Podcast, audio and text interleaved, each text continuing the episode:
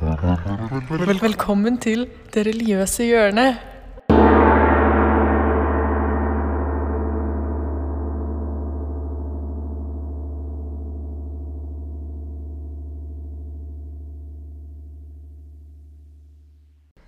Hei og velkommen til dagens episode av Religionshjørnet. Eh, Jeg heter Katja, og jeg sitter her med mine medverter Sara og Elise. Hallo. Hallo. Eh, Og i dag så skal vi ta for oss uh, flere sider ved buddhismen. Uh, Så jeg tenkte jo at det er kanskje greit med et kort sammendrag av buddhismen aller først. Så da tror jeg jeg starter med det. Er dere enige, girls? Ja. Det hørtes kjempebra ut. Ja. Ok. Så buddhismen er en verdensreligion som ble stifta av Buddha i Nord-India omkring 400 år før vår tidsregning. Eh, og rundt 7% av verdens befolkning, altså omkring 500 millioner mennesker, er en del av buddhismen. Og det blir eh, ansett som den fjerde største religionen i verden. Eh, og buddhismen har tre hovedretninger. Theravada, Mahayana og Vajrayana. Der Theravada er eldst, og den blir ofte omtalt som den mest konservative retningen. Mens Mahayana er en yngre retning som er mindre konservativt og mer variert. Eh, og Vajrayana er egentlig en undergruppe av Mayahana, men eh, har blitt sett på som sin egen retning eh, nå i den siste tida pga. at den har en veldig stor geografisk utbredelse. Ja, og i buddhismen så står karma og tanken om gjenfødelse og tanken om å oppnå paradis sentralt. Og det er også en religion som fokuserer mye på etikk. Men det skal vi se nærmere på senere. Eh, og senere i dagens episode så skal vi også snakke eh, mer om kvinnesynet i buddhismen.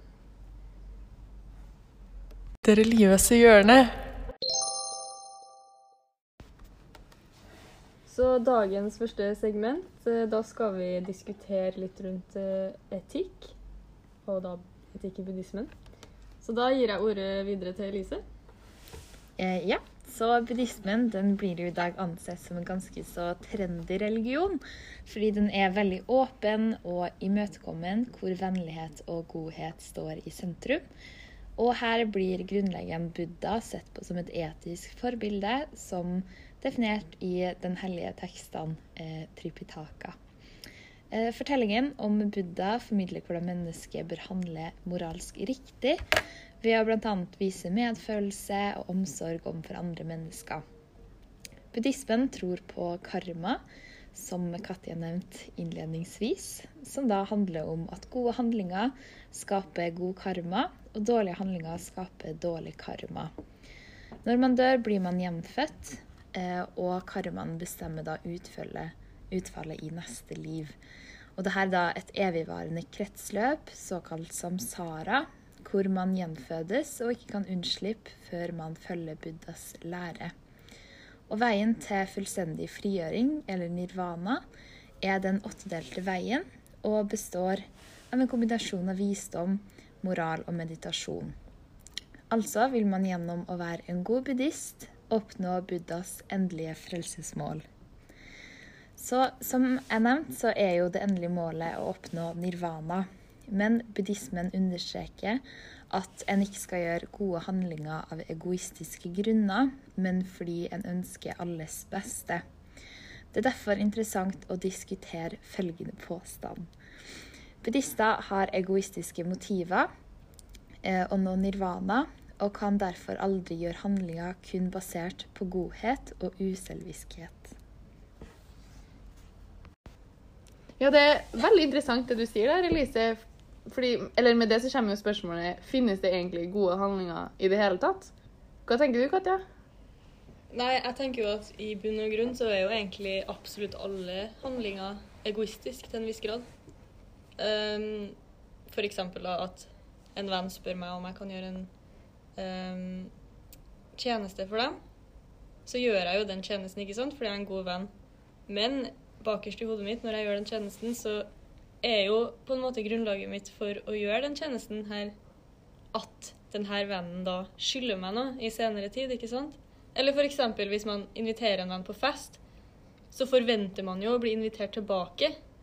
Og da blir jo på en måte den her godheten bak handlingen tatt litt vekk, da. Men har det noe å si om en handling er egoistisk, så lenge den er god? OK, så la oss si at eh, en gutt og en jente drar på date, da. Og sånn i Det er mange som forventer da at gutten skal betale. Det er på en måte litt sånn stereotypen. Og det er ikke så viktig for det eksempelet her, da, men la oss si at det ligger en forventning der om at mannen eller gutten skal betale. Og så betaler han for daten da når han er ferdig. Og på en måte, det er jo en god handling. Han har jo fortsatt betalt for maten, selv om det ligger en forventning der. Og til og med hvis jenta forventer, så sparte jo hun seg på en måte for det måltidet. Så handlinga, man kan jo si at handlinga det er god på utsida. Men da må vi jo også se på noen av grunnene til at denne gutten betaler, da. For én ting er jo det at jenta forventer at han skal betale for maten. Og det er jo snilt at han betaler for maten, fordi da sparer hun penger.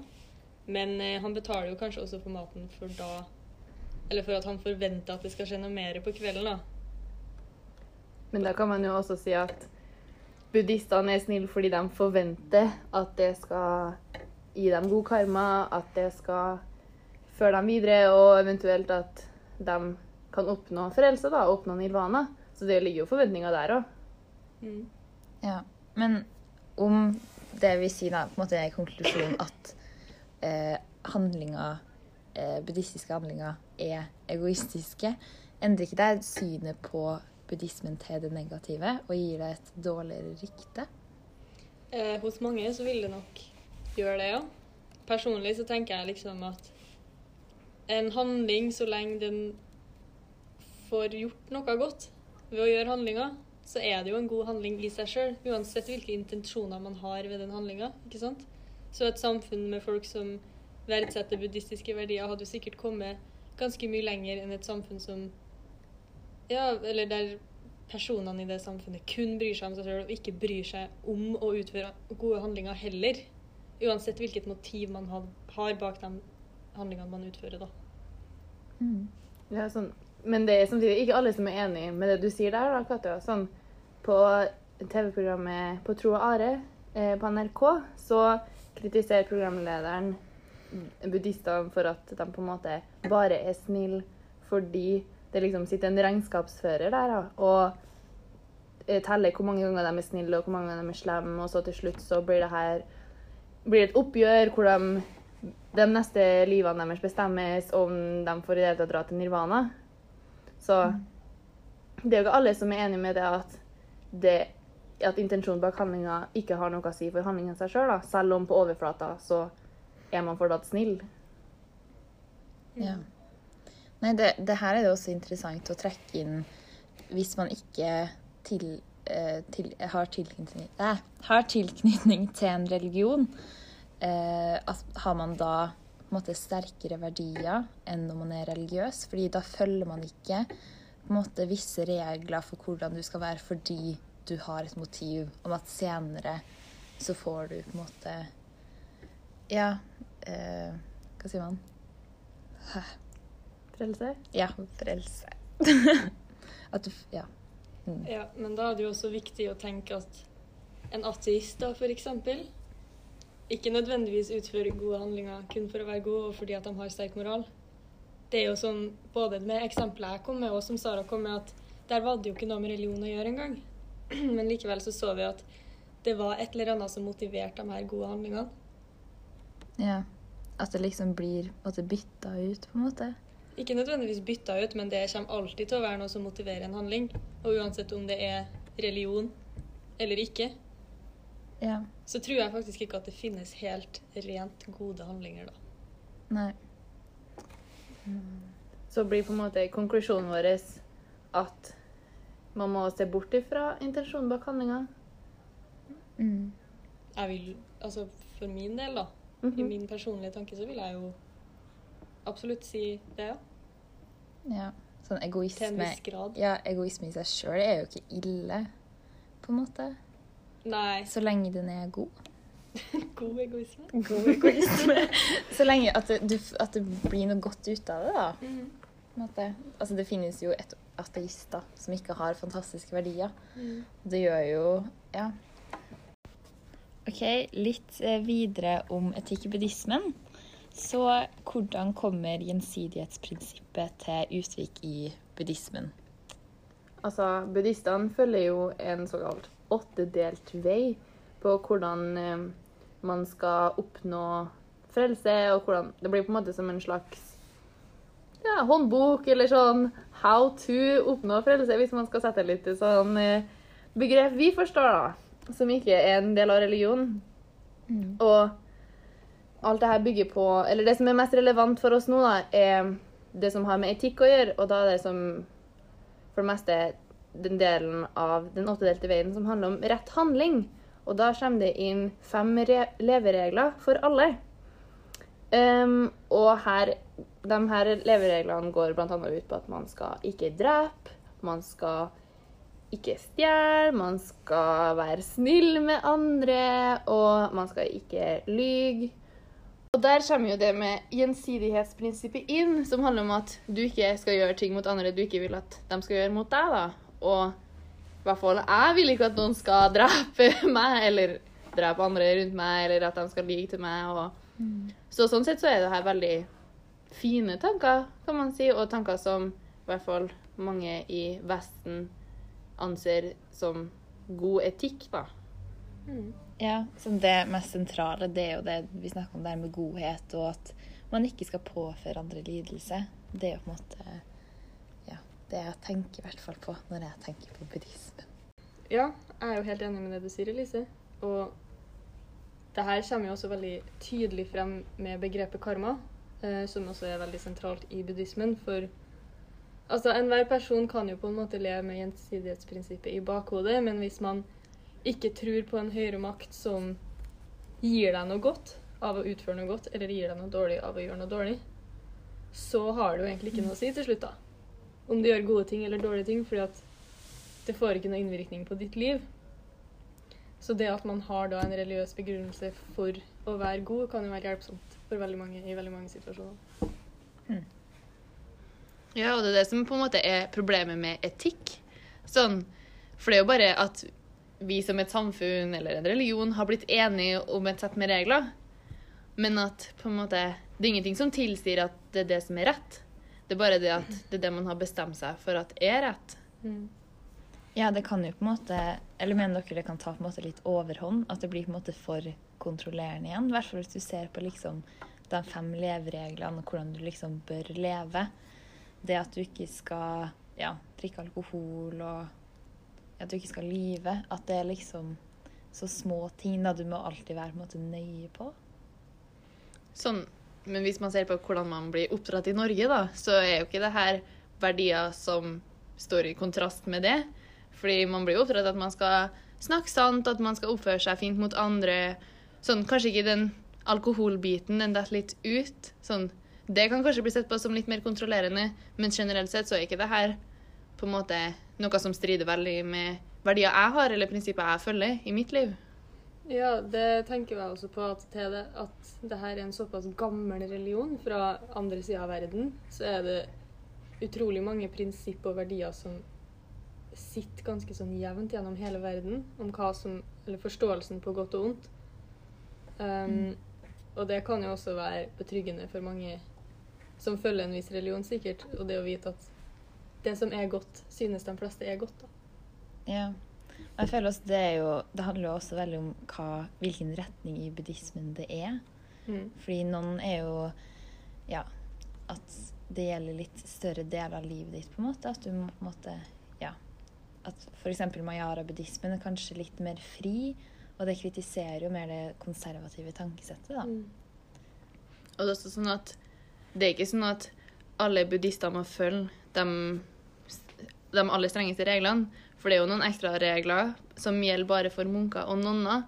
Som f.eks. at de skal være vegetarianere, og de skal bare ha noen få eiendeler, må leve i cølibati. Og sånne type ting er jo ikke ting vanlige buddhister må følge. Nei. Så da kan man på en måte si at hvem som helst kan jo velge å fra, eller avstå fra de her tingene. Mm. Sånn at det handler det jo også litt om fri vilje og egen oppfatning av hva som er rett og Mm. galt. Mm. Og da kommer jo også det her gjensidighetsprinsippet inn, da. At man har lyst til å gjøre noe godt for å få god karma, eller for å få noe godt senere, da. Og at man slipper å på en måte følge slavisk en sånn liste med regler over hva man skal gjøre, og at man heller da fokuserer på hva som i prinsippet er godt og vondt. Ja, For å konkludere så er jo etikk og moral veldig viktige verdier i buddhistisk tro. Og eh, gjennom å være en god buddhist så oppnår du buddhismens endelige frelsesmål. Ja, og vi ser jo også at gjensidighetsprinsippet er veldig sentralt da, for å oppnå det her målet. Og også da den attedelte veien. Du må ikke le, da. på nytt? Unnskyld, jeg ødela det. Jeg bare sier det. Nei, det går bra. Det religiøse hjørnet.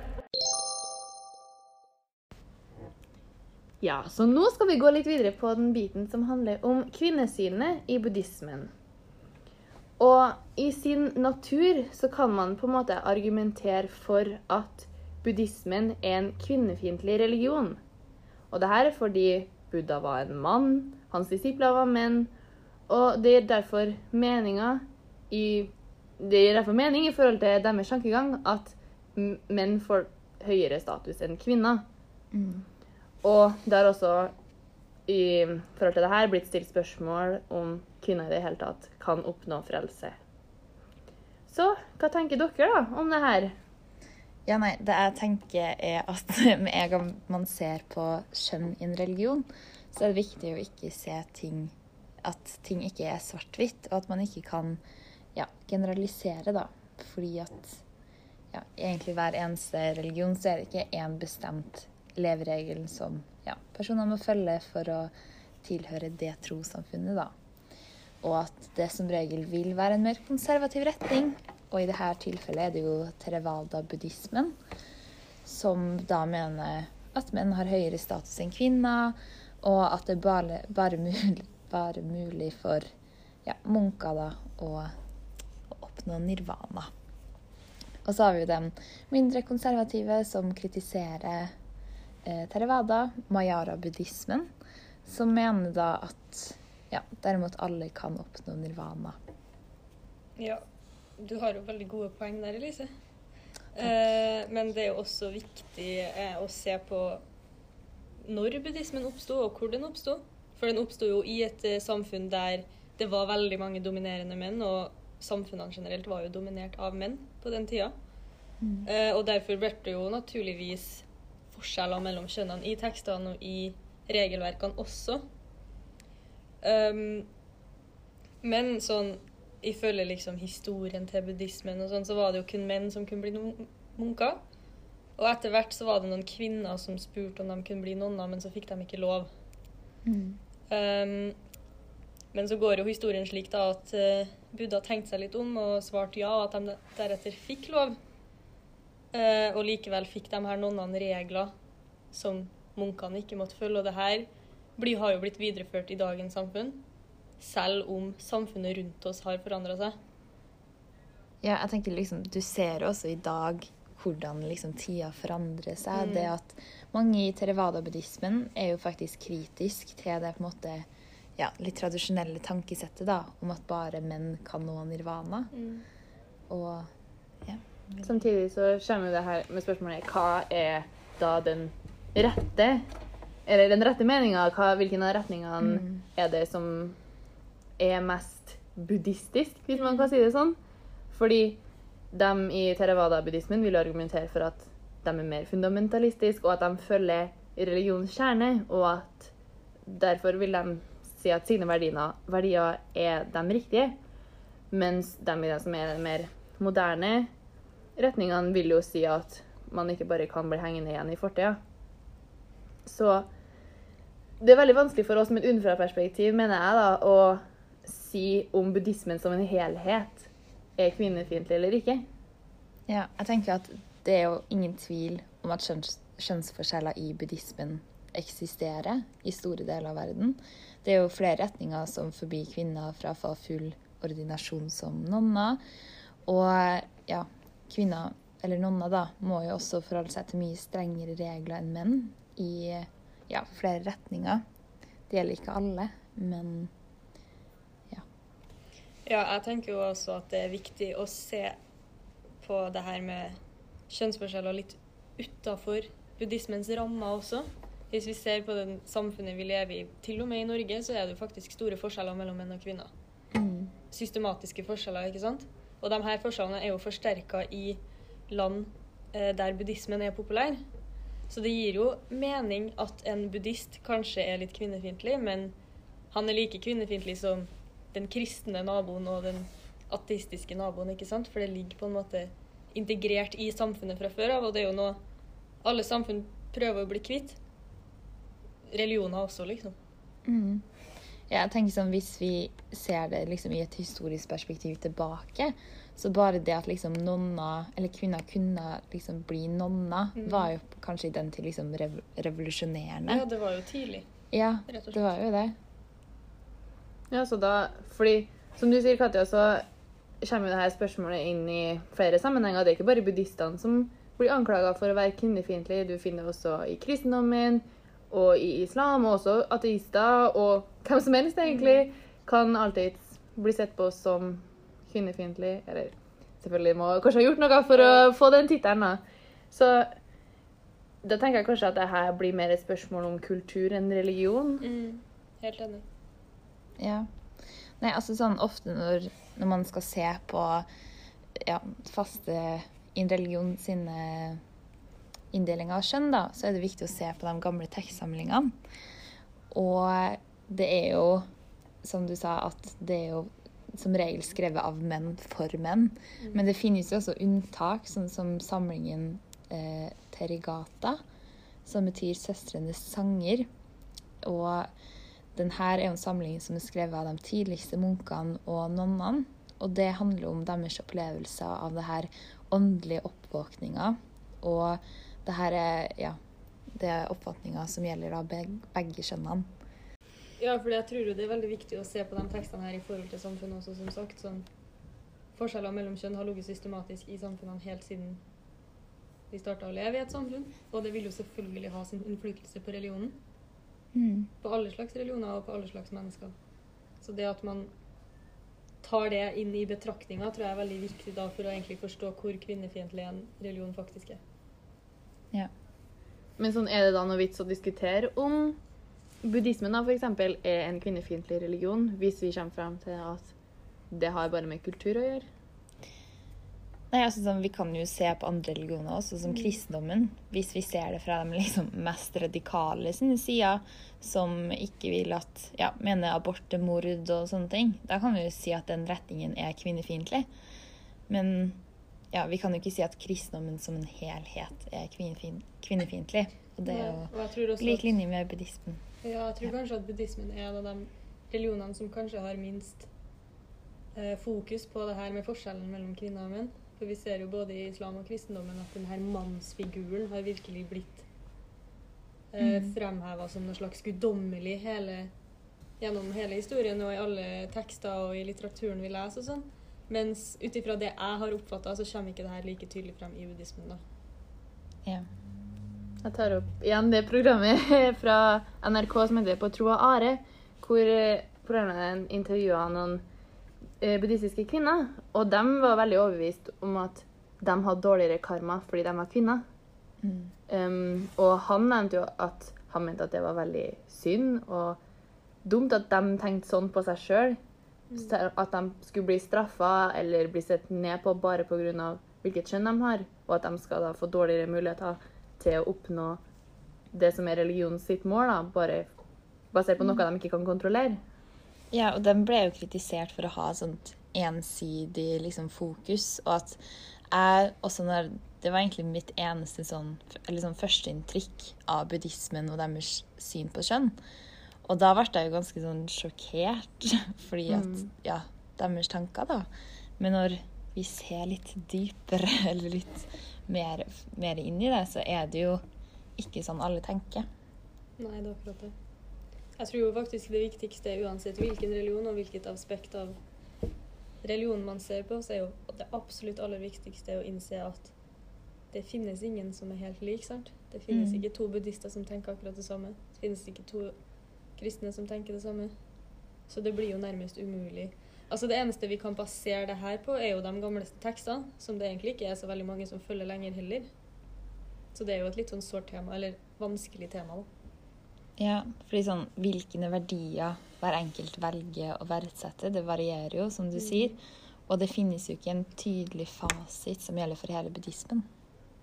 Det er jo det samme hvis man trekker inn en sammenheng. Sånn når man stemmer på et politisk parti, betyr ikke at du er 100 enig med det partiet. Nei, det er bare ja. kanskje det partiet du er mest enig med. Så kan man jo på en måte se litt på religion at bare fordi du er en buddhist, så betyr ikke at du er 100 enig med alt det Buddha sa. Det er bare kanskje det var den religionen som passer best med dine syn, da. Eller at du ble født inn i den, og at du da har adoptert det litt. Ja. Altså sånn Buddhismen det er jo på en måte litt kjent for å være ganske så åpen religion, og det er flere som konverterer til buddhismen etter å ha vært i veldig ja, konservative religioner. da. At det er en ja, slags, slags sånn Hva skal man si? Sånn ja, frihet i den religionen. da. At de fortsatt tilhører et fellesskap, men at det ikke er like, like strengt. Så det er jo litt interessant med tanke på kjønn, da. Mm. jeg tror egentlig vi kan konkludere hele den diskusjonen her med at det er veldig vanskelig å sette et konkret svar på det. Mm. Og at man må se ting fra forskjellige perspektiv og på, se ting basert på forskjellige grunnlag. Fordi folk er så forskjellige som de er. Og times are changing.